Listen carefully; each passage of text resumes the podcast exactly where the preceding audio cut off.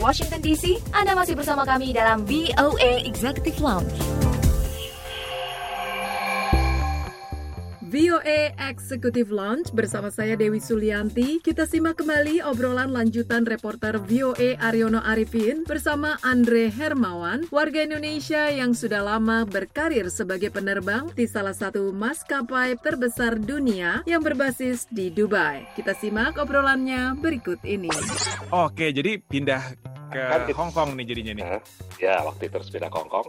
Saya terbang di Hong Kong lima tahun. Terus dunia penerbangan mulai bergairah seluruh dunia, banyak lowongan di mana-mana. Hmm. Dan kebetulan dari waktu mulai saya di flying school dulu, cita-cita terbang pesawat Boeing 777, Boeing 777 ya. I see. Terus okay. uh, banyak maskapai di dunia, terutama di Timur Tengah, pada buka lowongan. Saya apply ke maskapai saya sekarang ini dan saya diterima. Ingat banget, uh, lagi di perusahaan sebelumnya diterbang ke Tokyo, lagi tidur, tiba-tiba ada telepon masuk, rupanya dari rekrutmen. Telepon langsung, ya congratulations, uh, Anda diterima ya. Padahal waktu itu jet lag, habis istirahat, tapi udah nggak bisa tidur lagi sampai mau terbang lagi karena excited. Cuman sekarang nih berhubung pandemi COVID ya di mana-mana. Terus kan yang pasti kan hmm. dunia penerbangan ini terpengaruh nih. Lalu bagaimana dampak Sangat pandemi sekarang ini terhadap dunia penerbangan yang Andre rasakan, maksudnya di sekitar Andre saat ini, di Timur Tengah, di Eropa, di mana juga, dan juga uh, dampaknya pada diri Andre sendiri? Oke, okay,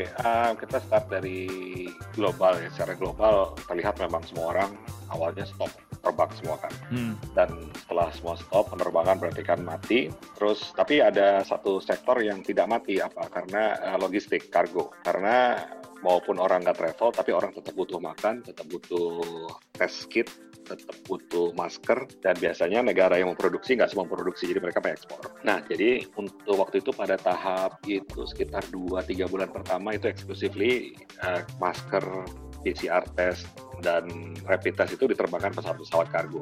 Uh, itu cukup menolong dunia penerbangan waktu itu. Terus begitu tahap kedua ada dua beda dua tipe maskapai yang selamat atau tidak. Satu yang biasanya negara besar punya banyak kota-kota, jadinya banyak penerbangan domestik, itu mereka rata-rata sudah ada yang resume, udah mulai lagi penerbangan domestik. Jadinya maskapai-maskapainya sudah lumayan bisa terbang. Sementara tipe negara lain seperti Hong Kong, Singapura, Timur Tengah sini, itu banyak yang tidak ada penerbangan domestik, semuanya penerbangan long haul, penerbangan jarak jauh internasional. Itu yang yang terpukul paling berat saya bilang ya karena peraturan negara berbeda-beda.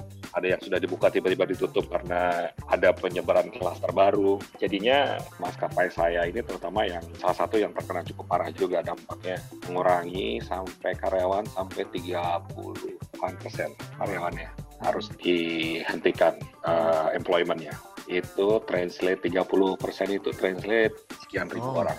Oh my gosh. Dan karena maskapai penerbangan perusahaan saya ini kayak landmarknya negara ini. Jadi begitu perusahaan ini kita mau lay off orang, sektor-sektor lain pun jadi ikut-ikutan berarti lah. Wow, itu aja pada ini berarti memang kita nggak kuat nih. Kita mereka mulai melepas-lepas orang. Nah itu yang termasuk saya ya, saya di, termasuk yang terdampak. Jadi uh, have to say goodbye for good. oh, I'm so sorry. Nah ya, oke. Okay. Kayaknya memang udah waktunya pulang ke Ibu Pertiwi ya setelah 15 tahun keluar dari Republik Indonesia. Amin. Dan amin. 10 tahun di di sini. Udah waktunya jalan-jalan makan gulai lagi di Jawa Tengah. Amin. Wah, itu adalah tujuan yang menarik tuh. Nanti nih setelah setelah semua ini udah selesai, pandemi kelar, apakah hmm. Andri udah ada uh, rencana nih ke depan nih?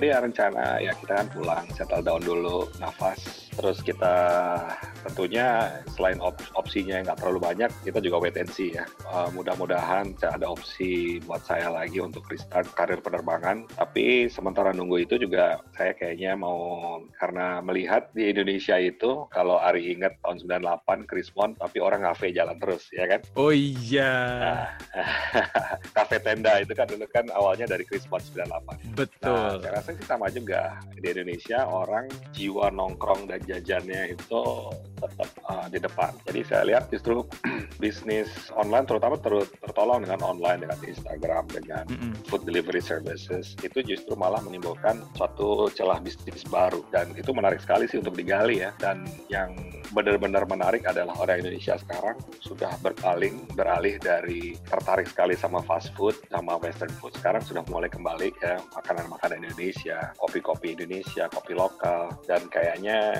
ini cukup bisa digali untuk orang-orang yang mau mencoba di bisnis ini. Next time kita ngobrol-ngobrol lagi mudah-mudahan akan seputar restorannya Andre di Indonesia ya. Amin. Oke oke. Oke, thank you Andre. Thank you banget Re, thank you banget untuk kesempatan kesempatannya. Demikian obrolan VOA bersama Andre Hermawan seputar karirnya dalam dunia penerbangan yang terdampak pandemi COVID-19. Saya Aryono Arifin, inilah VOA Indonesia dari Washington DC. Voice of America.